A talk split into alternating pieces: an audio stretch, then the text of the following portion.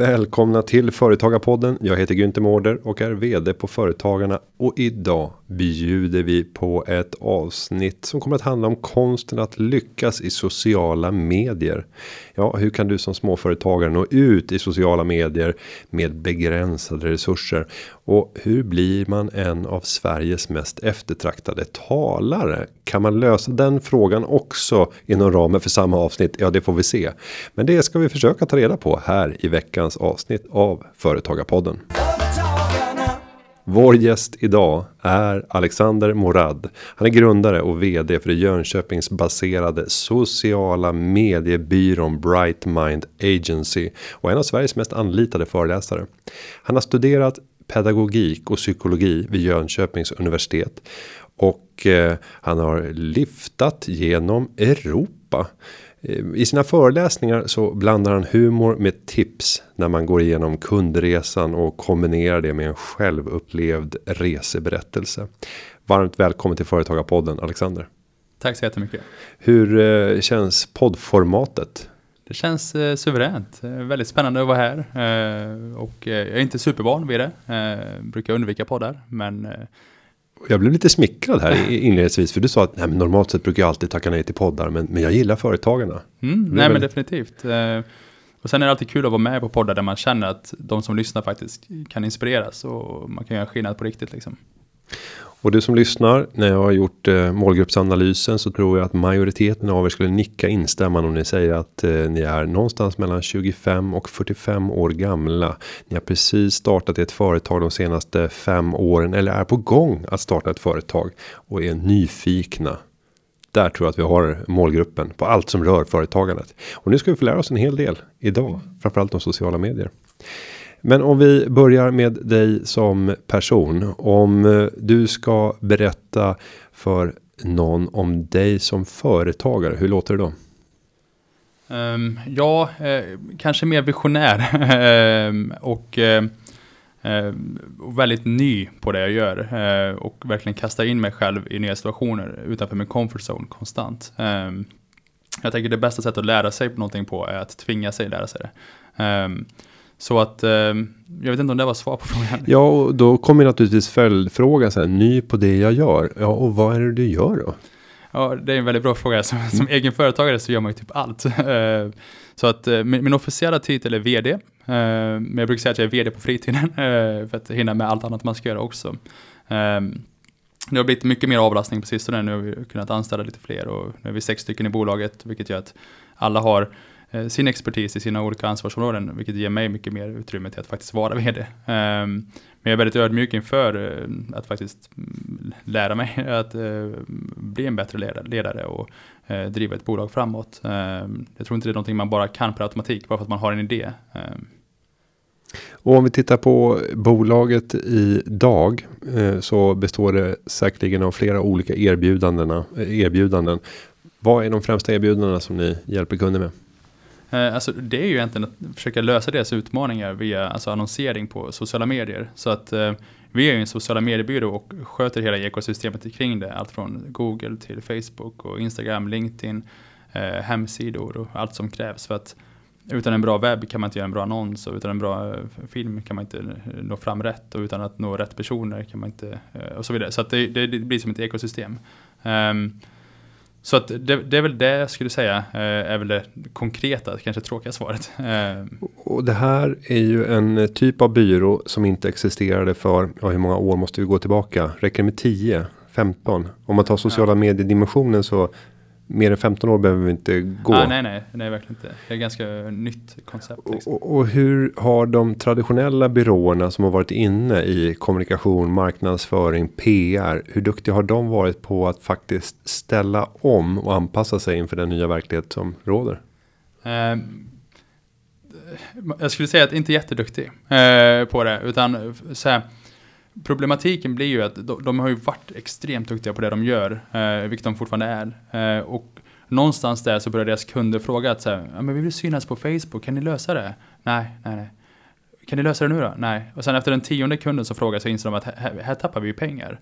Eh, och då, då börjar de säga, ja men vi, vi löser Facebook, säger de då. Och, och så slänger de upp lite annonser. Och så tänker de att det här är vad en Facebook-annons är. Eh, jag tänker att det, det, är lite som när man trodde jorden var platt. Man visste ju inte mer. då. så det är inte så att de lurar någon, det är bara att de, det är så de tror att det är. Um, men, men, det är så mycket, mycket större. Och här i Sverige är vi så långt efter. Alltså, även utbildningsmässigt. Det finns typ inga vettiga utbildningar kring paid social. Som verkligen visar hur du kan skala upp ett bolag på sociala medier. I USA, enormt. Och det är liksom där jag är skolad. Uh, så att det är ju... Uh, ja, så att jag skulle säga att det finns, det finns ett fåtal byråer. Vi jobbar ju med ganska många stora byråer. Uh, som som, som vet om det här, som själva säger att vi har inte koll på detta, kan ni hjälpa oss med våra kunder? Så, så ni blir underkonsulter till, ja, precis. till deras stora konton? Och, och det är, mm. är okej, okay, för vi, vi gör det så här white label heter det, att man, man säger inte att det är vi, utan det är liksom eh, frilansare typ på något sätt. Eh, mm. Men det går in i våran vision, alltså våran, hela anledningen till att jag startade bolaget var ju för att jag hatar reklam. Uh, och då tänkte jag, nu ska jag in i reklambranschen. Mm. Uh, jag tänker att du hatar företagare, så det är väl därför ja, det vore någonting. Nej, då. Nej, men jag har alltid varit sån lite, att här, jag gillar att, att, skapa förändring. Uh, och jag, jag, vill jobba med någonting där jag känner att, jag, jag vill inte gnälla kring det, utan jag vill säga, ja men, om reklam inte är bra, men då kan vi göra det bra. Um, och det jag, tyckte, det jag insåg att jag tycker att reklam är bra, om det är relevant och om det är underhållande. jag tror, kan du skriva typ så här, relevant reklam tack på brevlådan, så hade du nog gjort det. Mm. Um, och det var liksom det jag ville bygga på något sätt. Så att det går ju rakt in i vår vision att gå ut och föreläsa om det, utbilda företag, utbilda byråer eh, och hjälpa byråer att, att, få deras företag att faktiskt nå fram rätt sätt. Eh, så att man, eh, man skapar mer relevans i sina annonser.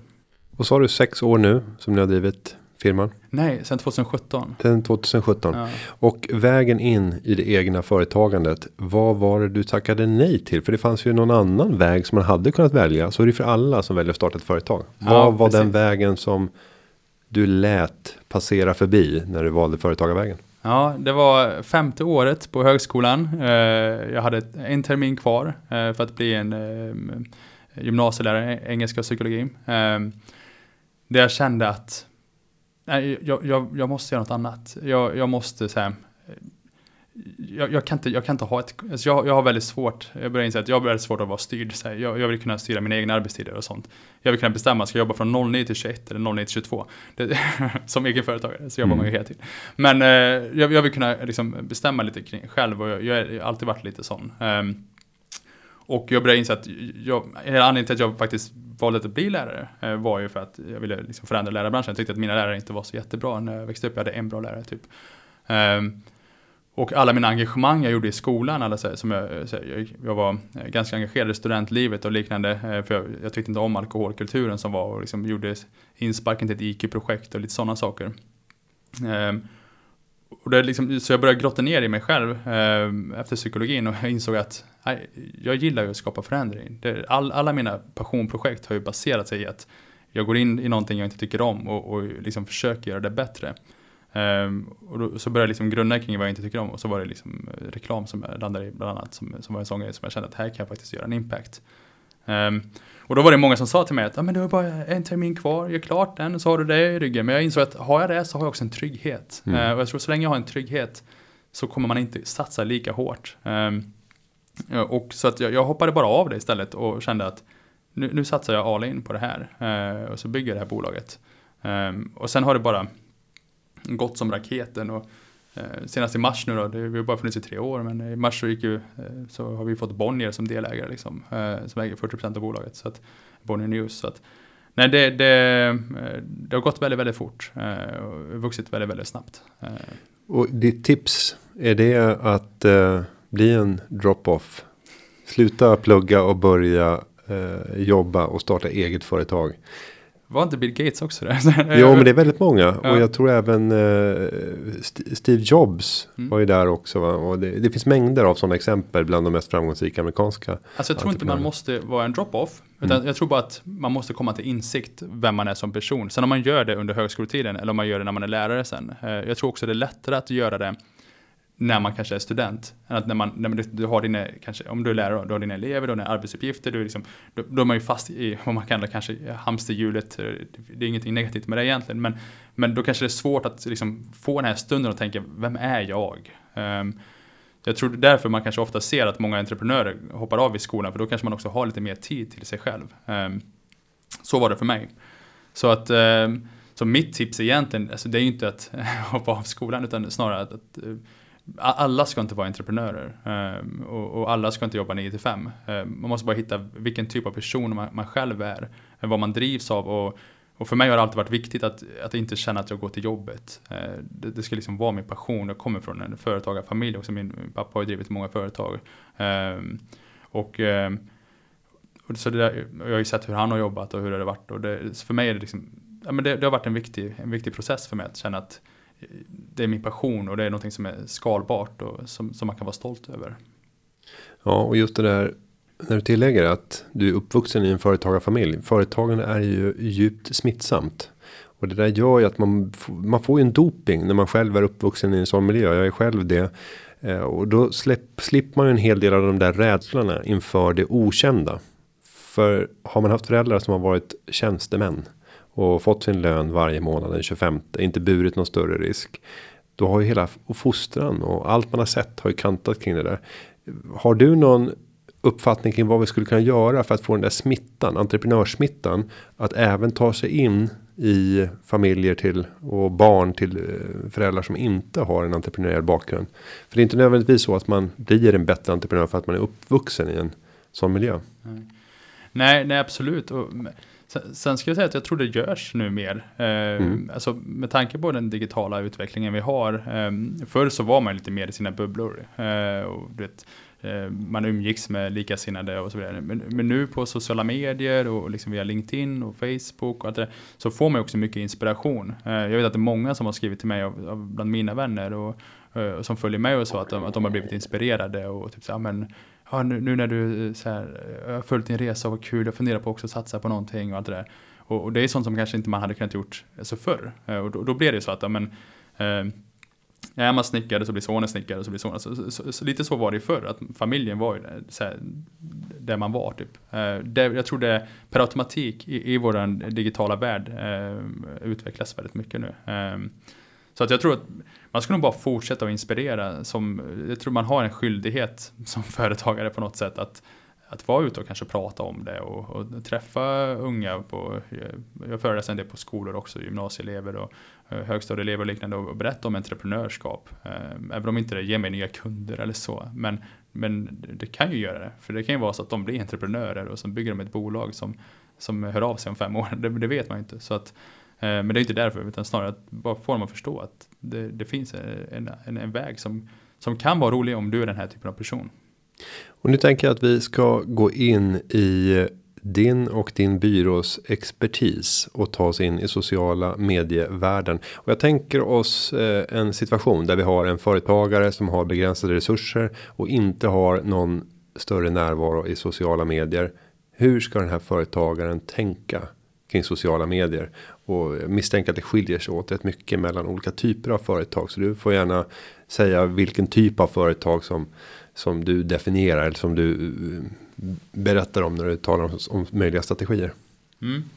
Eh, jag är med och jag, sk jag skulle nog säga att begränsade resurser kan man ändå komma ganska långt med eh, så länge man kan tänka sig lägga tid på det. Eh, och det brukar vara en sån grej som många säger att men jag har inte tiden. Eh, för mig handlar tid ofta mycket om vad man väljer att prioritera och man väljer att prioritera det som man tror eller vet ger resultat. Och så, som med mycket annat, som man vill, ska man skapa en vana eller vill ändra ett beteende så, så behöver man, man behöver åsidosätta tiden. Jag tror det är det första steget eh, innan man ens tänker på att skapa en Facebook-sida.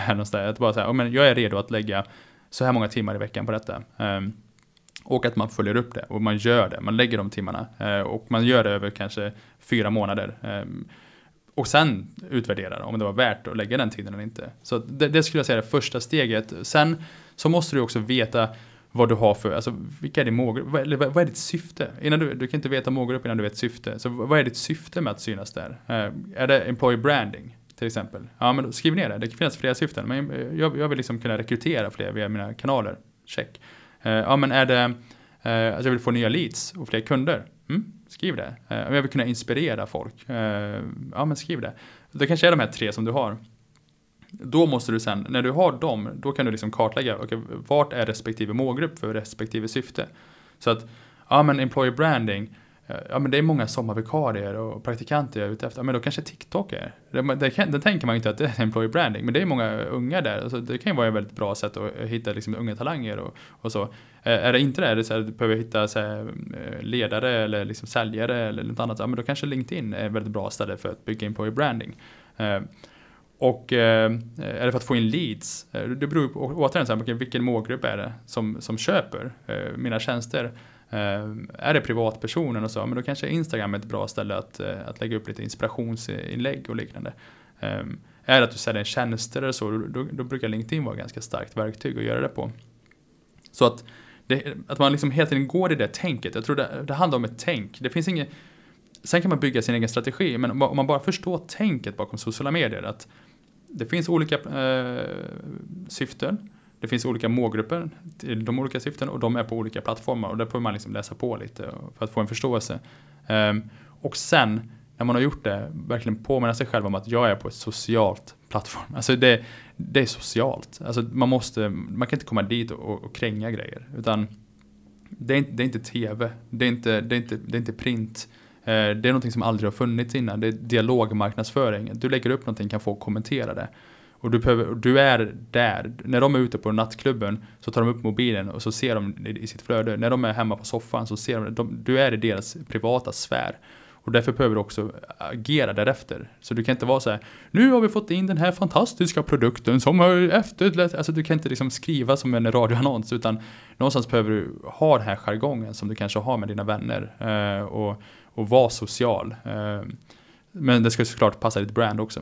Eh, men det, det, är en grej som många missar och många går direkt på sälj. Jag har varit, eh, inte varit många timmar här i Stockholm redan och scrollar i, i mitt Facebookflöde och jag får massa bolag i trakterna som försöker sälja på mig grejer jag aldrig hört talas om. Um, och jag brukar dra liknelsen att det, det, är lite som att gå, gå till någon på en nattklubb och säga tja, ska du med hem? Det mm. första man gör. Och vi, det, för det, men det gör man ju inte i ett socialt sammanhang. Man väntar ju hellre till garderobskön när de stänger. och ser vilka är det som ser ut att gå ensamma. Ja, nu var det länge sedan, jag är gift sedan länge tillbaka. Men, men det var, jag vet inte hur det är nu för tiden. Men jag tänker att någonstans har vi, vi byggt ett socialt eh, system för hur vi faktiskt gör.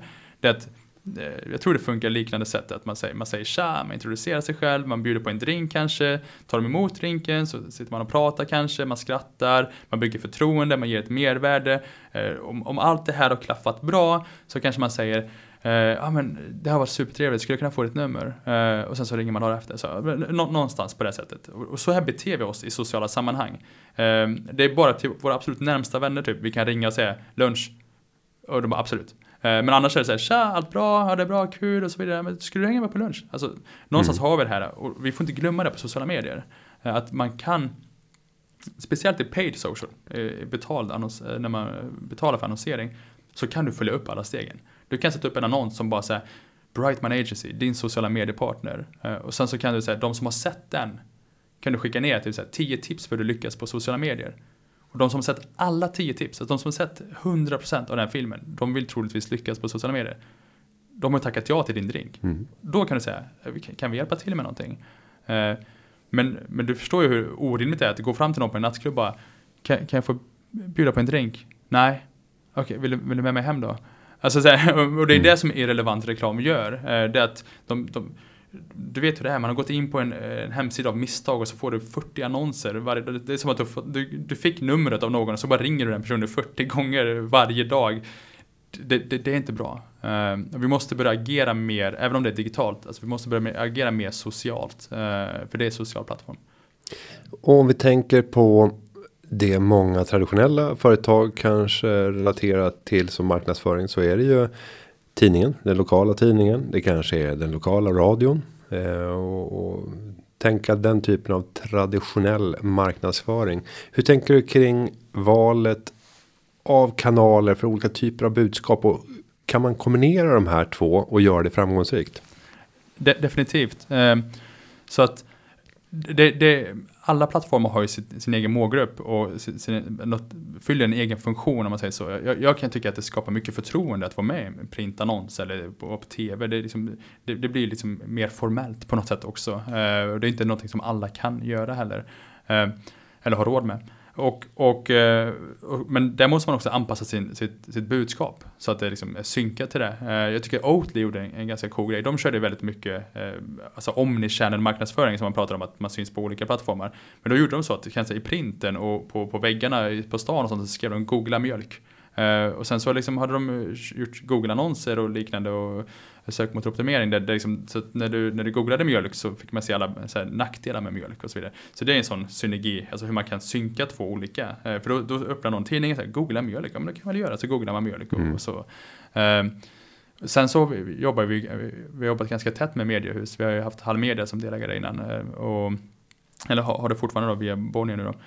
Och Eh, Eh, och där har vi, vi, vi påtalar ofta synergieffekten av att så här, du, vet, du vaknar upp på morgonen, öppnar tidningen, ser, ser annonsen eh, från ett företag eh, och sen så när du ska till bussen och går in på Facebook, scrollar flödet så ser du det företaget igen eh, och sen när du liksom kommer hem och kanske är inne på deras eh, tidning på sajten ser du det företaget igen och så kan man retargeta de som varit inne på den native-artikeln med på Facebook-annonser och så, så kan man bygga liksom en, en funnel eh, som en tratt typ så här, kring hela det systemet och och det skapar en sån enorm synergi att det, det här företaget är överallt. Eh, men, men man gör det på rätt sätt. Då.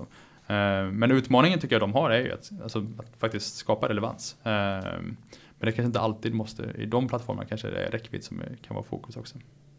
Och om man ska göra den här analysen över var mina kunder finns då? Jag vet ungefär vilka som är mina kunder i dagsläget. Men det är ju ett ganska stort kliv sen att förstå hur kan jag möta dem i sociala medier? Var finns de? Och sen får vi addera det du tog upp. I vilken sinnesstämning befinner de sig när de är i det här mediet? Mm. Nej, absolut. Och det, teoretiskt sett så finns ju alla målgrupper på, på sociala medier. Alltså på Facebook, eh, även folk känner att ja, men jag använder inte Facebook. Men vet, Facebook är ju Instagram också, det är Messenger och, och folk är det. Även om inte de aktivt använder det längre genom att lägga upp lika många inlägg så är man ju där och man är med i grupper och man scrollar flödet och man, man kikar av och sådär. Um, så att det är fortfarande väldigt aktivt för det, det säljer fortfarande väldigt, väldigt bra. Um, och det, det, man behöver dock veta framförallt är ju man, man, man ska verkligen veta vilka ens målgrupper är. För det kan, det kan vara så att man tror att det är en målgrupp. Det här är min målgrupp. Eh, och där har vi haft situationer där, där vi har haft företag som bara, ah, men vår målgrupp det är folk som är extremt intresserade av miljö, så vi behöver trycka på det och så vidare. Uh, och så har de lagt jättemycket pengar på att bygga en webb och strategi och allting kring det. Sen när man verkligen gör research så, så, så märker man att nej, det var inte din målgrupp. Uh, din målgrupp brydde sig inte alls om miljöfrågan överhuvudtaget. Det var, det var vad du gjorde. Uh, utan de, de bryr sig om att ska de lägga de här pengarna på en sån produkt så måste det vara premium. Typ. Och då, då är det en helt annan eh, persona som man ska försöka nå. Så att, så att det, det, är också att man måste verkligen förstå vilken målgrupp man har. Eh, och det är inte superlätt. Eh, därför man, man behöver liksom old school way är att man pratar med folk. och det är så man också gör när man tar fram strategier. Man gör research, man, man intervjuar kunder, man, man pratar med eventuella beställare och liknande och, och, och frågar och ställer de här raka frågorna. Annars kan man, man kan ju sitta och gissa hur mycket som helst. Men det viktiga är att faktiskt, ska man få det mesta för pengarna så ska man jobba så datadrivet man bara kan. Eh, och, och förstå att det här är min målgrupp. Eh, det, det är värt att lägga den tiden för man sparar pengar i längden. Och hur ska jag tänka kopplat till att ta in hjälp eller att försöka lära sig själv genom att googla runt och titta på filmer och försöka mejsla ut hur jag ska göra. Mm. Eh, jag tycker det är en svår fråga för mig att svara på för att jag, jag kanske inte uppfattas objektiv som, mm. som, som driver en byrå. Men, men, jag är väldigt objektiv i det här svaret ändå. Att eh, det, det, måste inte vara via oss för vi kommer aldrig kunna jobba med alla företag ändå. Men att ta in hjälp är viktigt eh, när det kommer till sociala medier framförallt. Eh, för att det är, en, det är en föränderlig plattform, det ändras konstant och det är så pass nytt så att ska man verkligen klara det själv, eh, då, behöver man, då behöver man ha någon som är typ expert på liksom så här, hur, hur content fungerar på, ehm, på sociala medier. Och då menar så vilket typ av material, hur många sekunder ska det vara, när ska det här hända i klippet och var, ska informationen vara på höger eller vänster sida? Ja men kanske vänster för att tummen brukar vara på höger sida. Alltså typ de som har förståelse för de bitarna eh, som inte man kanske tänker på. Sen ska du ha någon som förstår hur du ska liksom eh, nå exakt de rätta personerna och sätta upp de här, hur man bygger sina egna målgrupper. Det är en grej att välja Facebooks egna intressegrupper men sen att skapa sin egen målgrupp av företagare till exempel.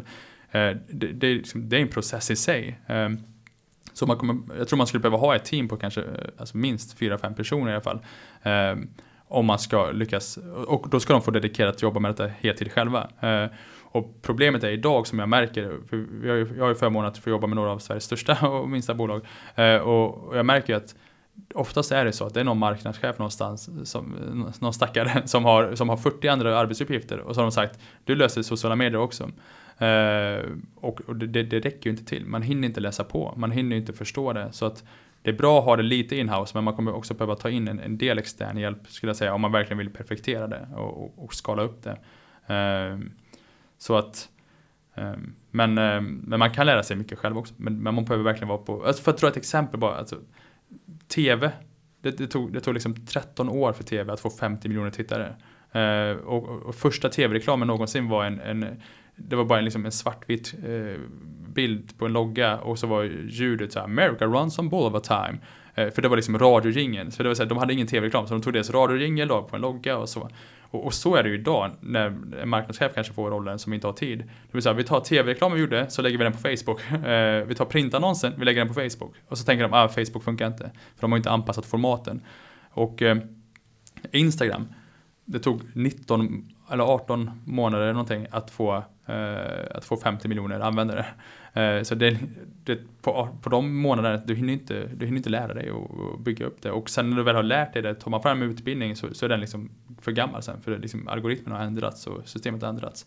Ehm, jag tror det är därför lite svensk utbildning också hamnar i, i efterkläm. Ehm, medan USA har helt fantastiska utbildningar och workshops och, och digitala webbinarier och sånt. Och de, man märker, jag har varit på svenska och jag har varit på amerikanska, man märker skillnaden är ju alltså, flera år fram. De, så som de bygger, jobbar med skalbarhet och datadrivenhet.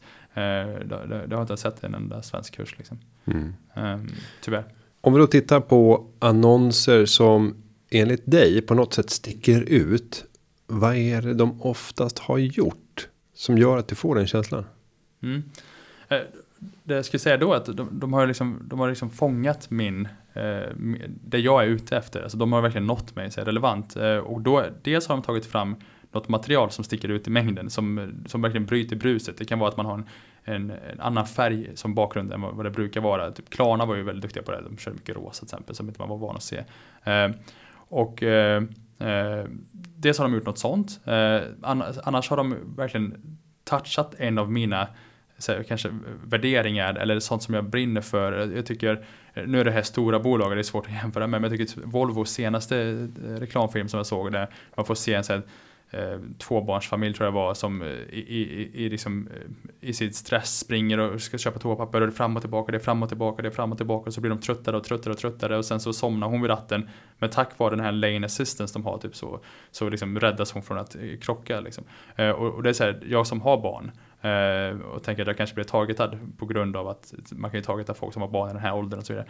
Eh, jag som ser den eh, känner en helt annan känsla eh, och det funkar för mig på sociala medier för att det, är så här, det, det berör, det, det, skapar en känsla.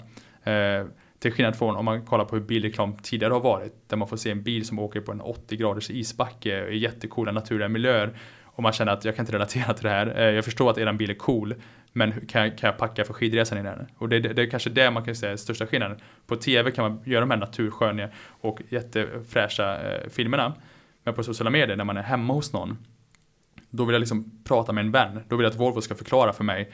Kan jag packa skidresan här? Eh, kommer det här kunna hjälpa mina barn? Eh, kan jag eh, jag spenderar 90% av min tid inne i bilen. Hur ser det ut på insidan av bilen? Alltså, man vill ju se den typen av reklam. Eh, så att eh, så att jag skulle säga att reklam som, som berör en på något sätt. Det är ju storytelling. Det är mycket mer sånt på sociala medier.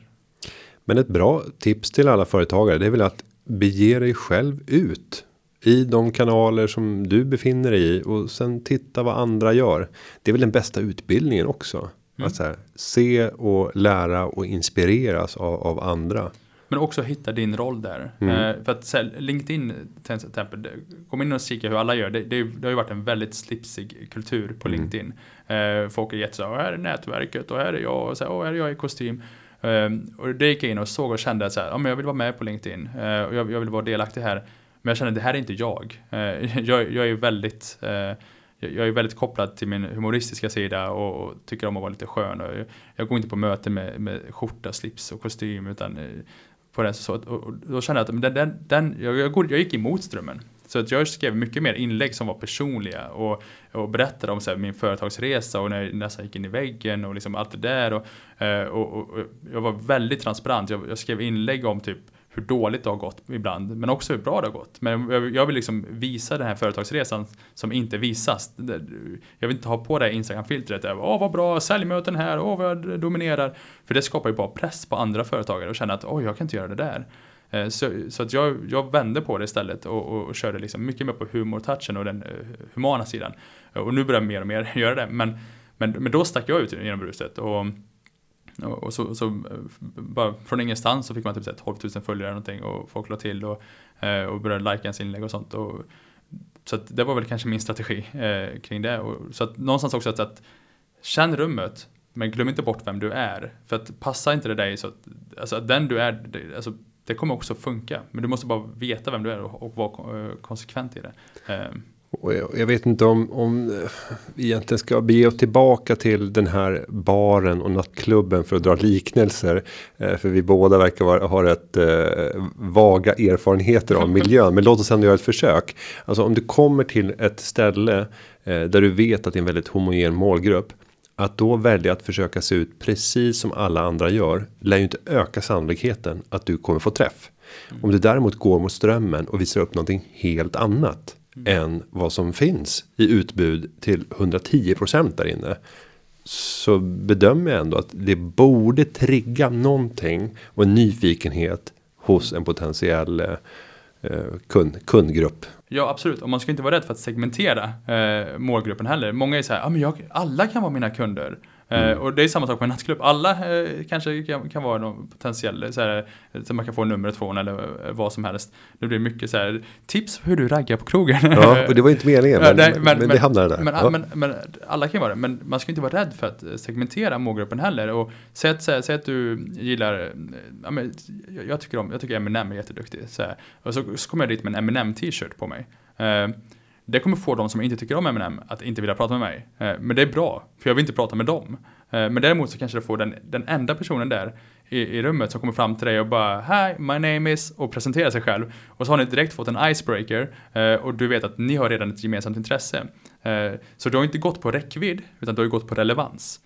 Och det är det jag vill att, mer att fler ska göra på sociala medier. Man ska inte vara rädd för att det är jättemånga som har skrivit till mig på LinkedIn och sagt att ah, jag vill bara säga att sättet du skriver på sån här, du vet att du kan skrämma bort kunder. Eh, jag är väldigt tydlig med typ mina värderingar. Jag, jag, jag säger ifrån direkt när jag upplever att någonting uppfattas typ så rasistiskt eller, eller om eh, jag ser en väldigt gubbig ledning eh, och sen säger ja, det hade varit bra med kanske fler kvinnor här och så. Jag brukar ofta kommentera sånt.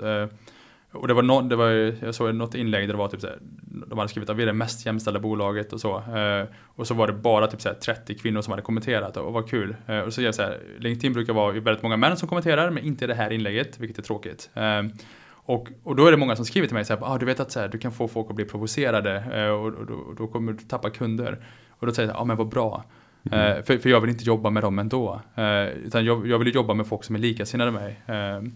så att så att man ska inte vara rädd för att segmentera, man ska inte känna att oh, men jag måste jobba med alla, eller alla måste tycka om mig. Alla måste inte tycka om mig, utan det, det, är viktigt att de förstår vem jag är, för jag vill inte vara någon så falsk person heller. Och så, sen, sen när de träffar mig så bara, ja ah, men du var ju mycket skönare på LinkedIn, här är du jättestel.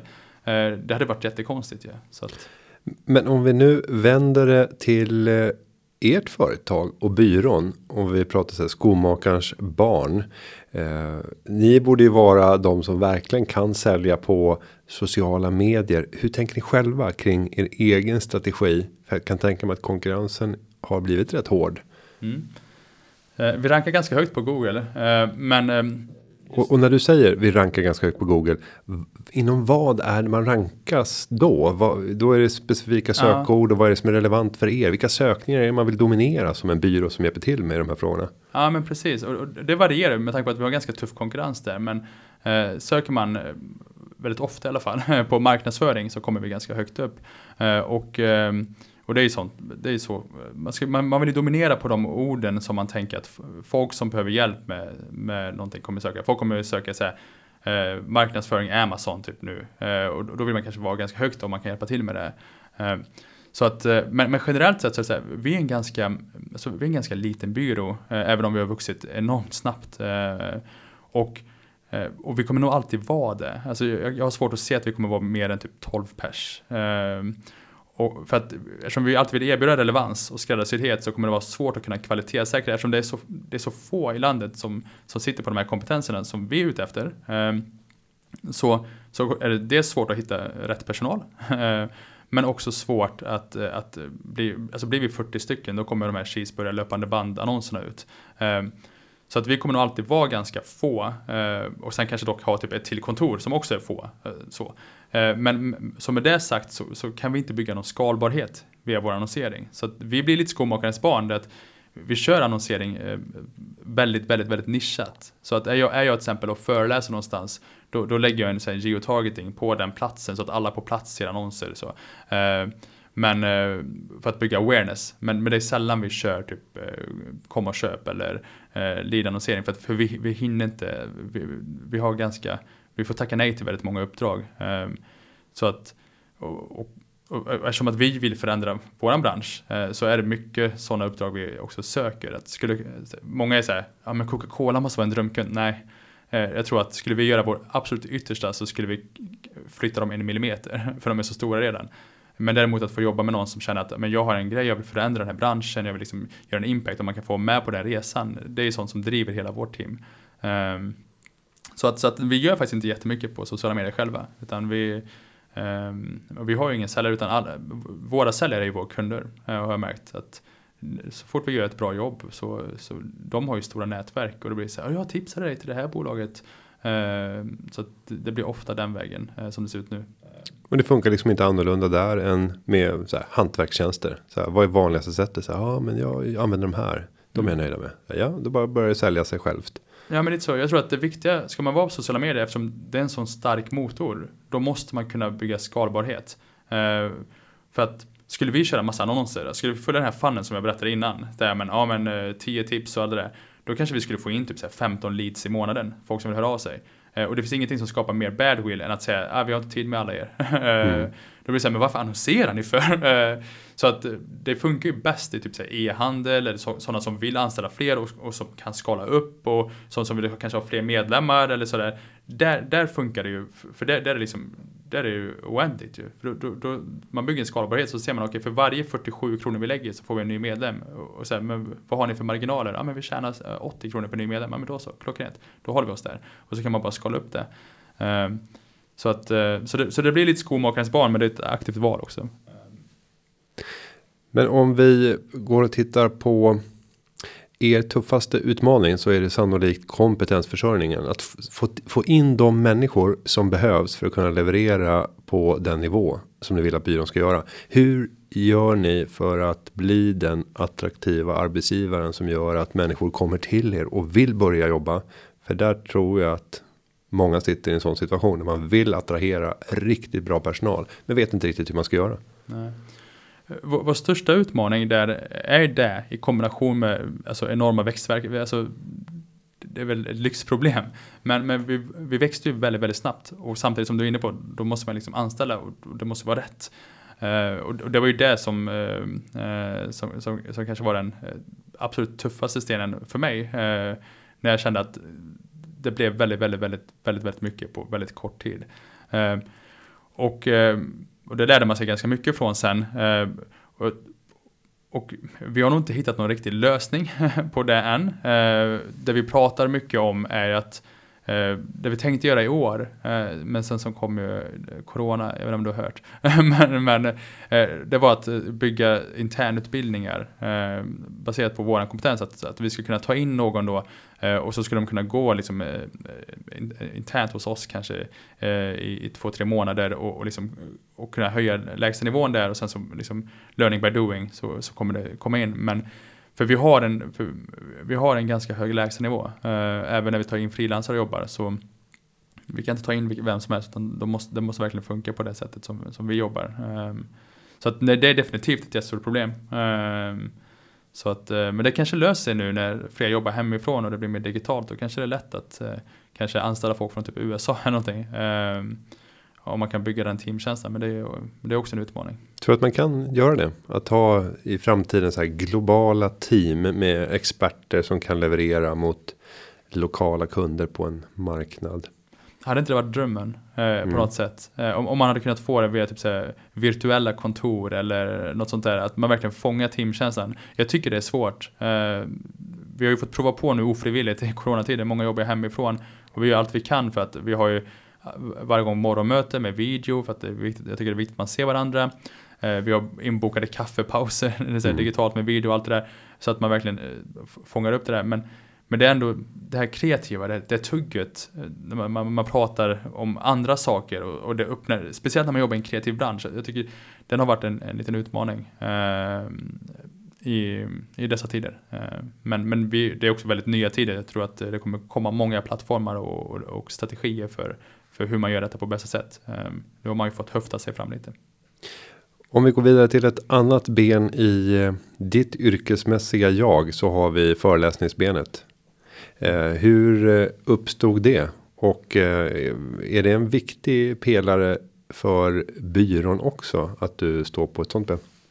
Um, Ja, hur uppstod det? Eh, jag skulle säga det uppstod som allt annat i mitt liv. Eh, jag, jag hatade att stå och prata framför folk. Eh, det var, det, alltså jag hade, som så många andra, när, man, när man gick i skolan, så varje gång jag skulle ha en muntlig presentation någonting, så gick jag in i toaletten och spydde innan. Och en gång så svimmade jag också. Det var bland det värsta jag visste. Eh, det var också till en stor del varför jag faktiskt också pluggade till lärare för att liksom utmana mig i den biten. Det är, det är ett bärande tema här. Ja, ja, ja. men, men, men, men, sån, sån, är jag väldigt ofta faktiskt. Eh, det tycker, jag, det tycker jag personligen är en bra egenskap, men det, det gör ju ont hela tiden. men är, så länge man är i utvecklingszon så är det ju friktion liksom. Eh, och Eh, nej, så, att, så, så, det var en sån grej och där jag kände att jag, jag, måste, jag måste lösa detta. Jag, jag, måste kunna, det är bara människor som står och lyssnar på mig. Jag vet inte vad, vad jag är orolig för. Um, så jag började hitta mitt sätt att göra det på. Uh, och, ehm, och, det, och det, var att, att, att, hålla det väldigt energiskt, återigen mycket humor och eh, kunna, kunna bjuda på mig själv, skratta åt mig själv och uh, men samtidigt bara ge så mycket värde som bara går under den tiden. Um, och de första gångerna var det var inte alls nice. Men, men man, man, lär sig, jag, jag, som sagt, jag tror det är väldigt viktigt att vara open-minded och att kunna ta in feedback och vara omringad av folk som, som är väldigt, eh, som pratar högt i tak och som säger så här, det här var väldigt bra, det här var inte alls bra. Eh, och inte, inte ta det personligt, utan jag förstår att jag är bra, men det jag gör inte var bra, så jag behöver liksom justera det eh, och optimera det. Och det, det, var det, det, var det jag gjorde och sen är jag väldigt nära vän med Jonathan Ljungqvist också som eh, en av de, tycker jag, är en av de främsta i Sverige till att, eh, så vi, vi liksom coachade varandra lite och, och liksom lärde oss mycket av varandra. Uh, och sen vet jag inte vad som hände. Uh, jag har ingen aning. Jag visste inte ens om att det fanns sådana här typ priser och liknande. Utan jag var ju bara och pratade i sociala medier. Och sen plötsligt så fick jag ett mail i min inkorg som jag trodde var spam. Som bara, du är utsedd till topp 100 föreläsare, mest populära föreläsare i Sverige.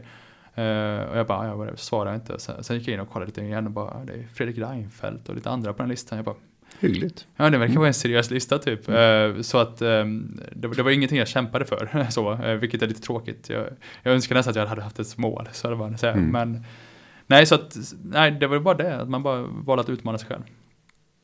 Och sen sa vi ju inledningsvis också någonting i förbifarten. Liftat igenom Europa. Det blev en liten cliffhanger så här, vi har inte varit inne på det. Nej. Eh, och det är en, eh, en berättelse som också rymmer eh, eh, lite mörka sidor. Eh, ja, och det tycker jag är viktigt ändå att prata om i, mm. företagande. Eh, att allting är inte bara ljust. Och, som jag sa, vi var en enorm växtverk och, och vi, vi, tog oss, och det är kanske ett tips till alla era nya företagare, så undvik Eh, Eh, fasta kostnader eh, så mycket som möjligt. Jag tror alla säger det, men, men man, man lyssnar inte riktigt. Och, och, så tänker man, man får in de här kunderna, man gör det här och sen så tar man på sig mycket fasta kostnader och sen så händer någonting och så, så blir det väldigt jobbigt. Liksom.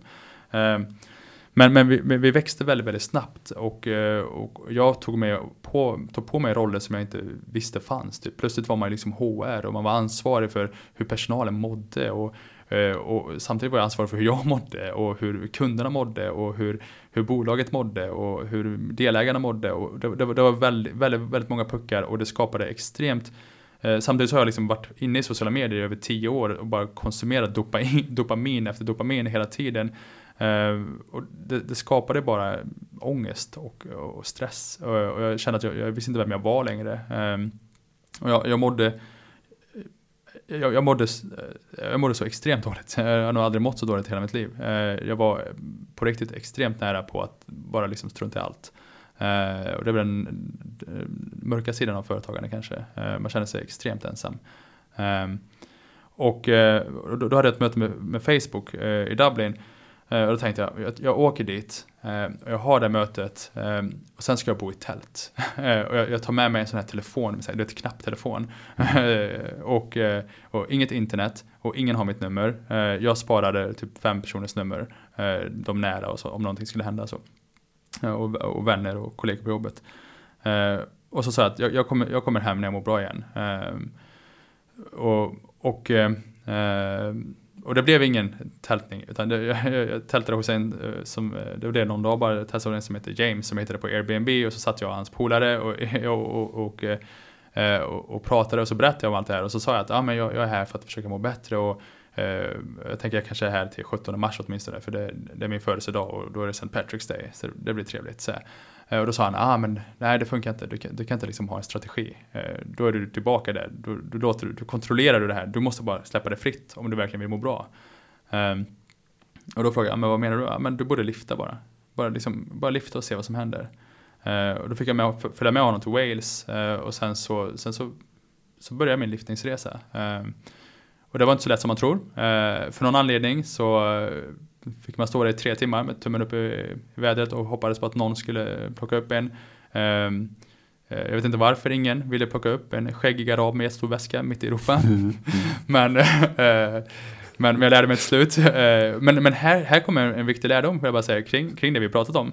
Eh, att jag började faktiskt på riktigt tänka, vad hade, vad hade jag gjort för att få leads på sociala medier? Eh, vad hade jag gjort här? Vad, vad tänker vi? Och då, då gick jag in på det här, men vad är min målsättning? Jag vill bara komma någonstans.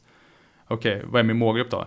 Ja men någon med fordon, eh, helst fyra hjul, ingen motorcykel. Eh, Okej, okay vilken plattform ska jag vara på? Eh, vart finns de? Ja men det vore nice någonstans där de stannar, typ bakom trafikljus, bensinstationer. Och då blir det så här, okej okay, jag måste vara på bensinstationer. Det finns tak över huvudet, det finns vatten, det finns eh, eh bedövande dryck och det finns framförallt folk som stannar. Eh, och, och, och då, då började då implementerade det, så att folk stannade och då, då implementerade jag hela den här funnen. Eh, det låter väldigt så här, ja yeah right, men det var exakt så jag gjorde. Eh, det var så här, hej, eh, fast på engelska då, så här, Alexander här, jag, jag har precis haft möte, jag, jag, jag har lyftat från Sverige, eller inte riktigt från Sverige, jag åkte, tog flyget till Dublin, haft möte med Facebook och sen bygga förtroende, mervärde, jag driver en byrå, gått in i väggen typ. Och jag, och jag, så här, eh, jag, vill bara lyfta, ta mig vart som helst. Och plötsligt så var det, innan så gick jag ju bara direkt på sälj när jag såg med tummen. Mm. Plötsligt var det så här, oj vilken, vilken människa, han driver en byrå, haft möte med Facebook. Och så här, man skapade så här förtroende och mervärden och de förstår att här kommer jag få höra en story om jag tar med mig honom i bilen. Eh, och plötsligt så var det extremt lätt att lyfta. Ehm, jag tog mig hela vägen ner till Milano. Ehm, och ehm, till och med en person på riktigt nu som tog upp mig som sa att han har blivit, eh, han har, han har, lift, han har plockat upp liftare innan och två gånger innan har han liksom blivit rånad under pistolhot av liftare. Jag tänkte, vi kör en gång till. Han, han tog kort på mitt pass och så, men, men, men, men, men, men, det, var, det, var, det var vackert. Uh -huh. Så att man träffar de mest underbara människorna och man blir så extremt tacksam för livet. Och den 17 mars då så, så träffade jag Klaus på, på en, en irländsk bar i Milano. Eh, och han skulle till Frankfurt och jag tänkte, jag mår, jag, må, alltså jag må så extremt bra i mitt liv just nu, jag vill hem. Eh, och det var en bra bit upp. Så, så, så jag liftade med honom eh, och en, och en lång, lång story kort så, eh, så, så somnade han vid ratten tror jag. Eh, så han körde rakt in i mitträcket. Eh, eh bilen flippade och det var blod överallt. Eh, jag, jag minns att jag hängde upp och ner. Eh, Eh, jag hann ringa ett samtal, eh, för ingen visste vart jag var, insåg jag. Så jag hann ringa ett samtal och till, blev till en kollega och sa att jag är i Milano för övrigt, och, men, men, jag tror inte jag kommer klara det här. För att det, det var ju så mycket kortisolpåslag och adrenalin så att jag kände att allting bara, det var så svart, det, blev, det, det började bli kallt och jag bara kände att det var blod överallt och jag insåg att aj, nu, nu dör jag. och det var på riktigt på dagen när vi spelade in på den här nu, det var exakt 18 månader sedan. Mm. Um, och um, um, men, men, jag gjorde ju inte det uh, uppenbarligen. Uh, utan det gick bra. Uh, han klarade sig inte dock, han som körde. Klaus. Men, men, uh, men jag klarade mig utan en, en, en skråma faktiskt. bara blåmärken från, bilmär, från bilbältet. och lite problem med nacken då. och sen enorm ångest fortfarande. mm. Väldigt ofta väldigt svårt när man ska sova och så. Och köra bil. Men, men det var inte det vi skulle prata om. Mm. Men, men, men, däremot så kan jag säga att det, det skapar en enorm tacksamhet i livet. man blir bara en helt annan person. så min rekommendation är att vara med i en bilolycka. Mm. Nej då. Men, men det är svårt att ge en rekommendation på det. Det, det är någonting man bara måste uppleva. förhoppningsvis behöver ni aldrig göra det. Men, eh, men det är liksom kanske det downside av företagare ibland, när man tar på sig för mycket, man växer för snabbt och man delegerar inte. Uh, man måste bara förstå att du är inte ensam med detta. Och om någonting, jag ska inte låta sälja här, men om någonting så kanske det är det som företagarna kan hjälpa till med också. att visa mm. att man inte är ensam med detta och kan stött, vara en stöttepelare. Uh, för man behöver stöttepelare. Uh, det, det, är, det är väldigt tufft att, att driva bolag. men det är också helt fantastiskt. Och jag tänker att jag går tillbaka där jag började i så att säga kundlöftet. Vad var det jag lovade er lyssnare inledningsvis när vi skulle öppna den här podden? Där pratade jag om att vi skulle diskutera hur man kan nå ut med begränsade resurser i sociala medier. Vi skulle försöka ta reda på hur man kan bli en av Sveriges mest eftertraktade talare. Har vi besvarat frågorna? Jag tror att vi finner svaret i att våga utmana sig själv, att våga inspireras, att ta hjälp eh, för att få expertis.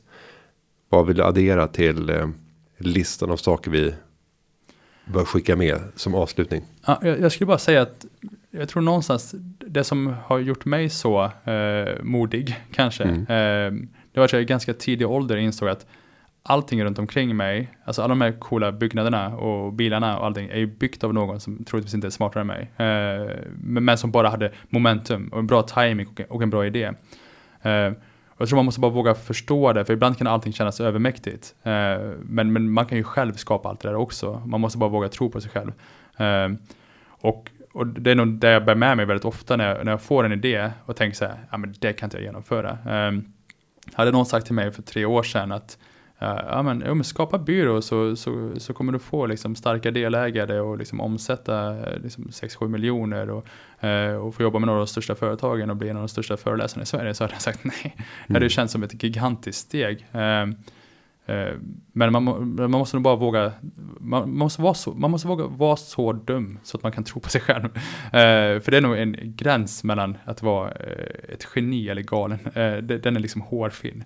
Eh, men man måste bara våga göra det. För att, eh, jag lovar att alla de som har byggt de här grejerna, alla de som gör de här grejerna och de som de, de går runt och tänker att hoppas ingen kommer på mig, eh, för jag vet inte vad jag håller på med. Eh, och, och, den känslan är nog hos allihopa, för att man känner att, att man, är, man är en del av något större sammanhang.